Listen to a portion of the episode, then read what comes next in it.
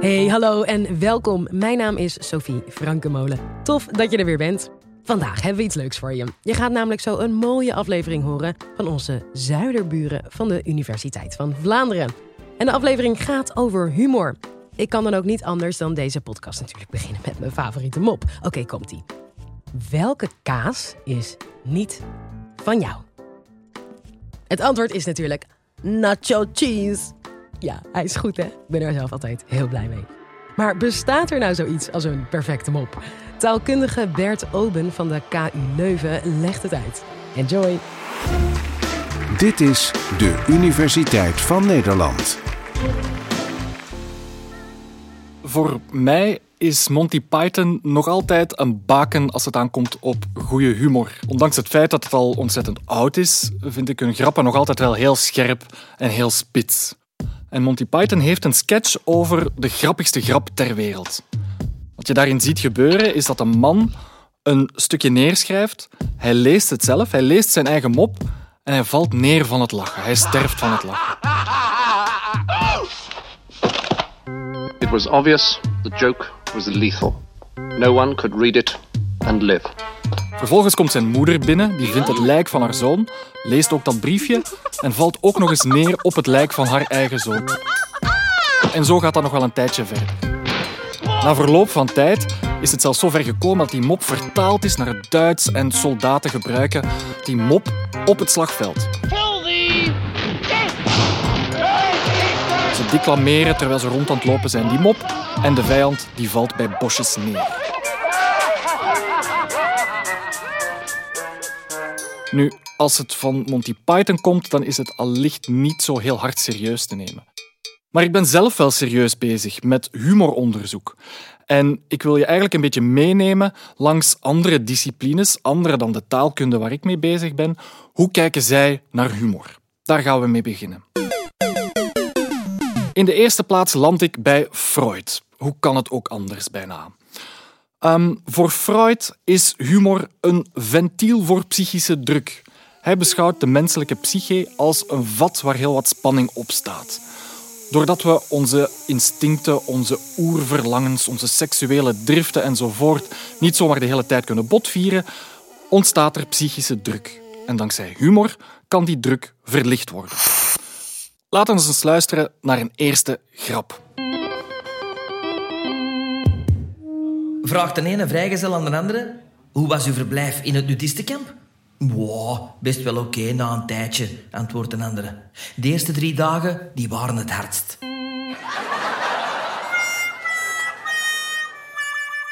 Right.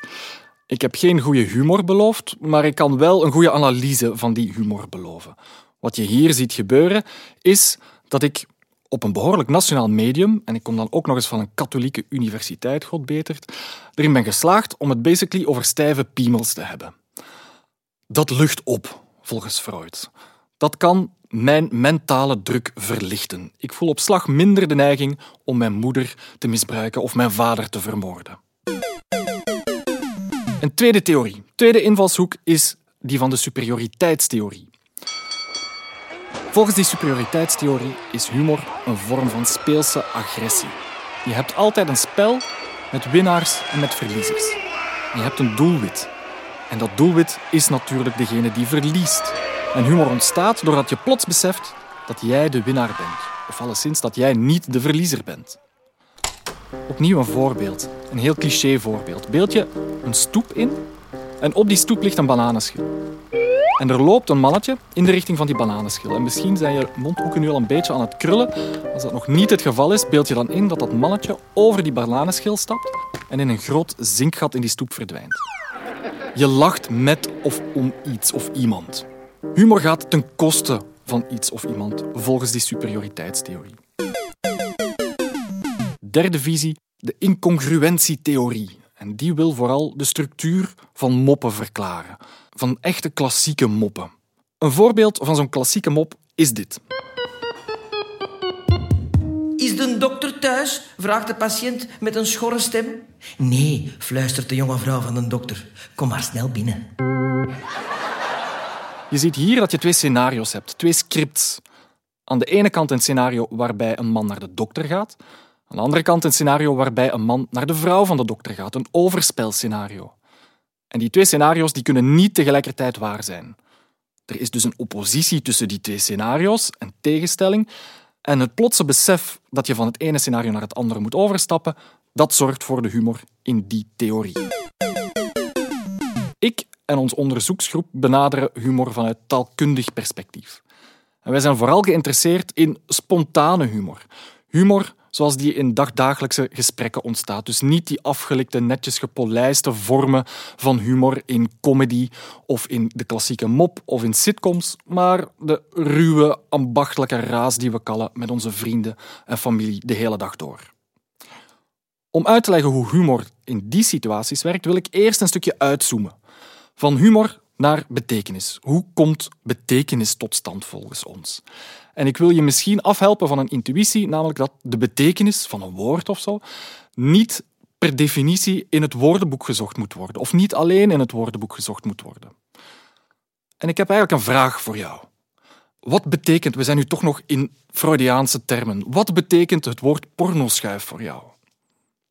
Allicht ga je pornoschuif niet zomaar in het woordenboek vinden, maar je kan via een grammatica-boek nog wel denken van een pornoschuif, ja, dat is een schuif waar porno in zit. Maar het gaat nog veel verder dan dat. Misschien is de pornoschuif wel die schuif waar die vriend van jou op zat, op dat wilde feestje. En die vriend heeft zo'n vreemde jaren tachtig pornosnor. Die is op die schuif gaan zitten en die schuif gaat nu niet meer goed open. En daarom is dat de pornoschuif. En zo zijn er nog ontzettend veel mogelijke redenen te bedenken of mogelijke betekenissen te bedenken voor dat woord. En dan kan je zeggen, ja, oké, dat is nu een heel geknutseld voorbeeld, een heel specifiek voorbeeld. Maar ook bij een heel frequent woord, zoals ja bijvoorbeeld, kan je hetzelfde zeggen. Ja kan eigenlijk zowat alles betekenen. Het kan zelfs nee betekenen, het kan soms betekenen of het kan misschien betekenen. Of stel je voor dat er twee studenten zijn die wachten op een mondeling examen van mij, maar ik ben veel te laat. Ze zitten daar en zegt de ene tegen de andere: Ja. In die context betekent ja iets heel specifieks. Dan betekent dat: Oh nee, het is weer gebeurd. Of die onnozele professor is weer te laat. Dat ga je zeker niet in het woordenboek vinden.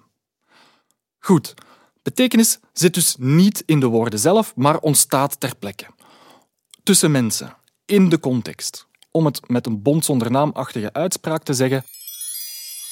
Betekenis is een werkwoord. Het is iets dat je doet. Nu, wij zijn bezig met onderzoek naar betekenis in serieuze en in niet-serieuze uh, gesprekken. En we zien dat er eigenlijk net dezelfde betekenismechanismen aan het werk zijn. Een eerste voorbeeld, metonymie. Dat ken je misschien nog wel van de lessen Nederlands van vroeger. Je zegt één ding, maar je bedoelt iets anders.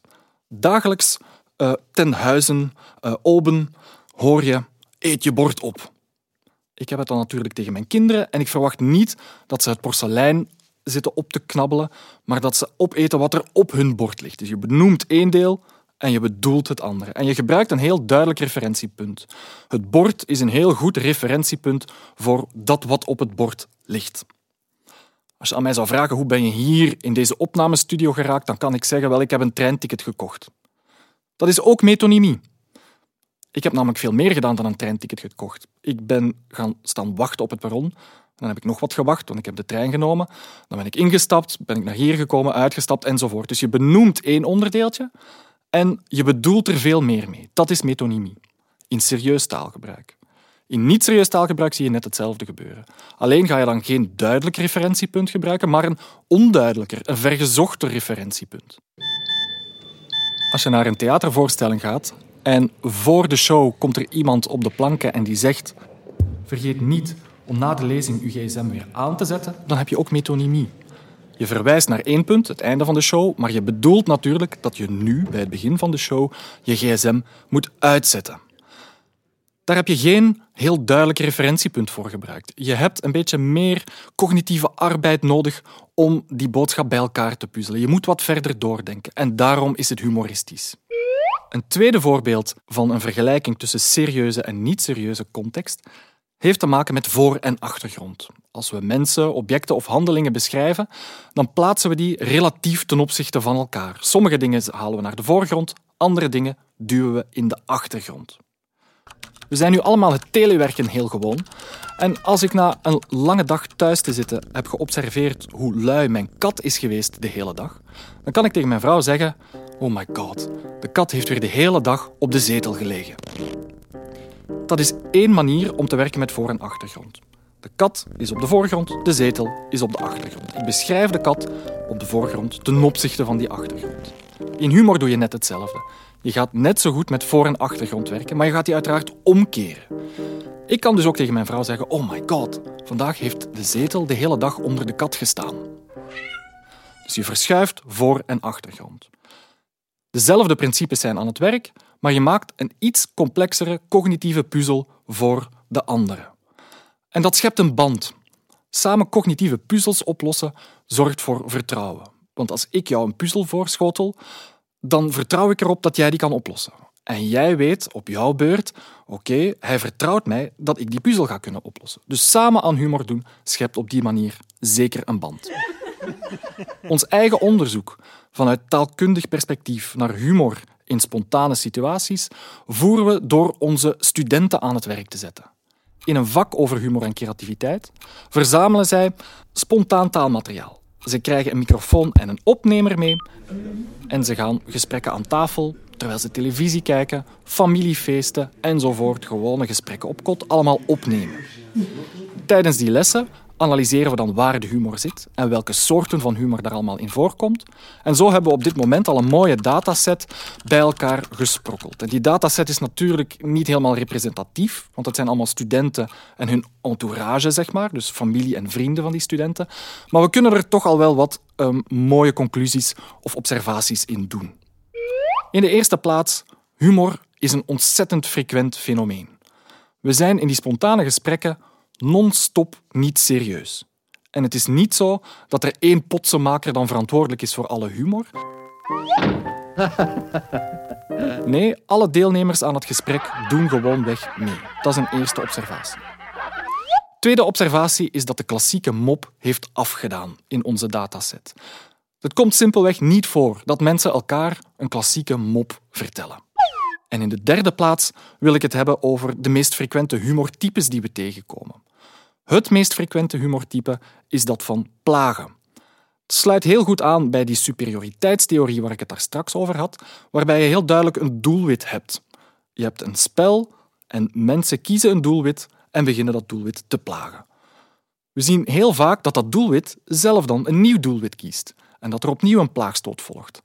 Je krijgt dus eigenlijk een cluster van die plaagstoten en dat is een van de redenen waarom dat, dat zo'n frequent humortype is. Twee penissen komen elkaar tegen op een examen. Zegt de ene tegen de andere... Amai zeg, je bent zo gespannen. Je hebt zo'n rode kop. Ja, zegt de andere. Ik heb juist mondeling gehad. Seksuele humor staat op de tweede plaats. Daar zou Freud dus een vette kluif aan hebben om dat te interpreteren.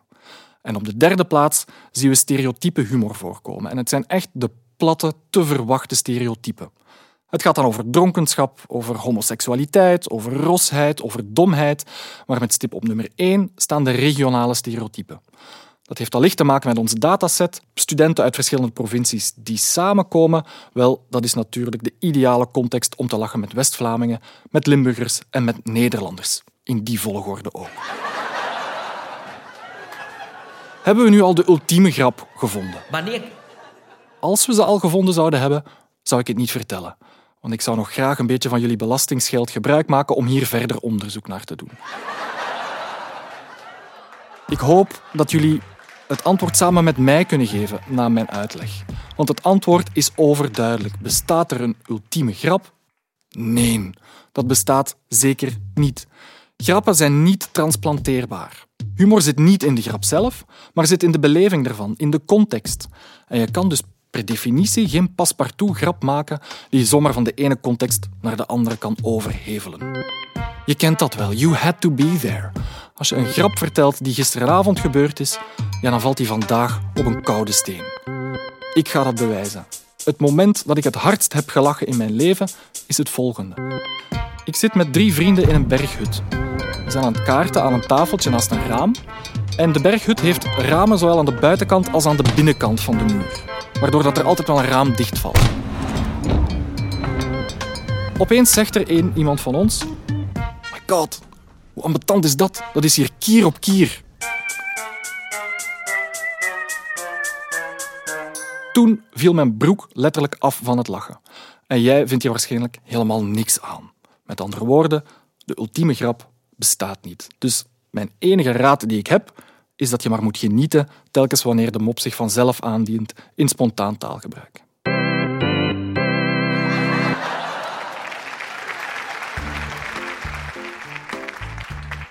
Dat was Bert Oben. Ik hoop dat je gelachen hebt. En als dat nou zo was, je kan je ook op de Universiteit van Vlaanderen abonneren voor nog meer wetenschap. Maar dan niet bij ons weggaan, hè? dat zouden we jammer vinden. Volgende aflevering ben ik er weer. Ditmaal met een Nederlands college over de rechtspraak voordat er rechters waren. Tot dan.